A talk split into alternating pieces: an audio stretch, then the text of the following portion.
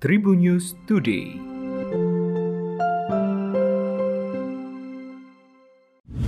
Halo Tribuners, berjumpa kembali bersama Memes. Memes akan berbagi informasi untuk kamu dimulai dari berita nasional.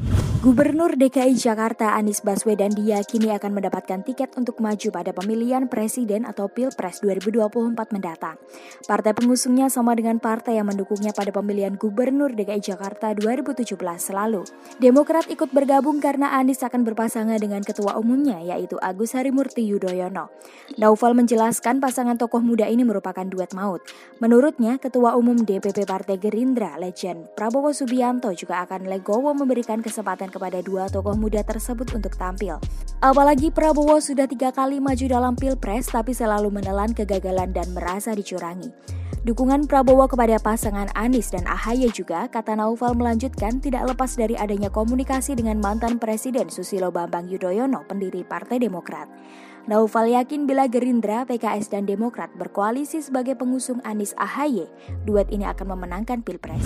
Selanjutnya berita regional Tribuners. Sosok S wanita yang ditemukan tewas tanpa busana dengan kepala terbenam di bak mandi kamar nomor 42. Wanita yang seorang pengamen ditemukan di Hotel Jalan Pasar Kembang nomor 16 Kupang Kerajaan Sawahan Kota Surabaya pada Rabu 1 Juni siang. Hal tersebut diperoleh dari hasil pemeriksaan terhadap beberapa anggota keluarga yang telah dilakukan oleh penyidik unit Reskrim Polsek Sawahan Polrestabes Surabaya. Kapolres Sawahan Polrestabes Surabaya, Kompor Rizky Ferdian mengatakan, S diketahui mengantukkan hidup sebagai pengamen di kawasan Terminal Kudus Jateng. Pekerjaan tersebut diduga dilakoni S semenjak hidup berpisah dari suaminya yang tinggal di kawasan Kenjeran, Surabaya sejak tahun 2019. Semenjak berpisah, hampir tidak ada yang bisa memastikan di mana alamat pasti S tinggal menetap. Hanya saja beberapa informasi dari pihak keluarga yang lain menyebutkan, S diketahui tinggal kembali bersama keluarga dari orang tua kandung di Kabupaten Kudus, Provinsi Jawa Tengah. Selanjutnya berita selebriti Tribuners. Gary Iskak dan rekannya telah ditetapkan sebagai tersangka terkait kasus narkoba.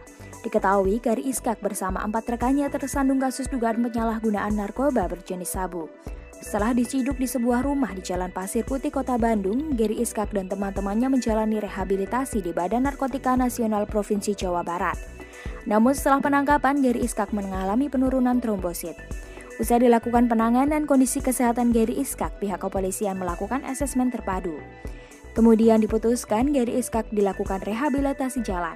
Namun, karena Gary Iskak berdomisili di Tangerang Selatan, maka kuasa hukum meminta rekomendasi untuk rehabilitasi di BNN Provinsi Tangerang Selatan. Berita terakhir dari olahraga Tribuners. Tiket gelaran Indonesia Master dan Indonesia Open yang dijual secara online dikabarkan telah ludes terjual. Indonesia Master diadakan pada 7 12 Juni, sedangkan Indonesia Open 14 19 Juni 2022. Pebulu tangkis ganda putra Indonesia Muhammad Sohibul Fikri yang ingin mengajak orang tuanya hadir langsung di Istora Senayan pun sempat bingung dengan kondisi tersebut. Ia pun berharap masih ada tiket agar orang tuanya bisa menyaksikan secara langsung. Sebelumnya, Kepala Bidang Humas dan Mediasi PBSI, Broto Happy menjelaskan untuk tiket Indonesia Master yang tersisa sekitar 10% lagi nantinya dijual secara on the spot. Sementara itu mengenai tingginya antusias pecinta bulu tangkis Indonesia yang hadir secara langsung di Istora Senayan bakal membuat dirinya lebih semangat. Demikian tadi empat informasi terkini yang menarik untuk kamu ketahui. Jangan lupa untuk terus mendengarkan Tribun News Today hanya di Tribun News Podcast Spotify dan YouTube channel tribunnews.com. Memes pamit, sampai jumpa. Tribun News Today.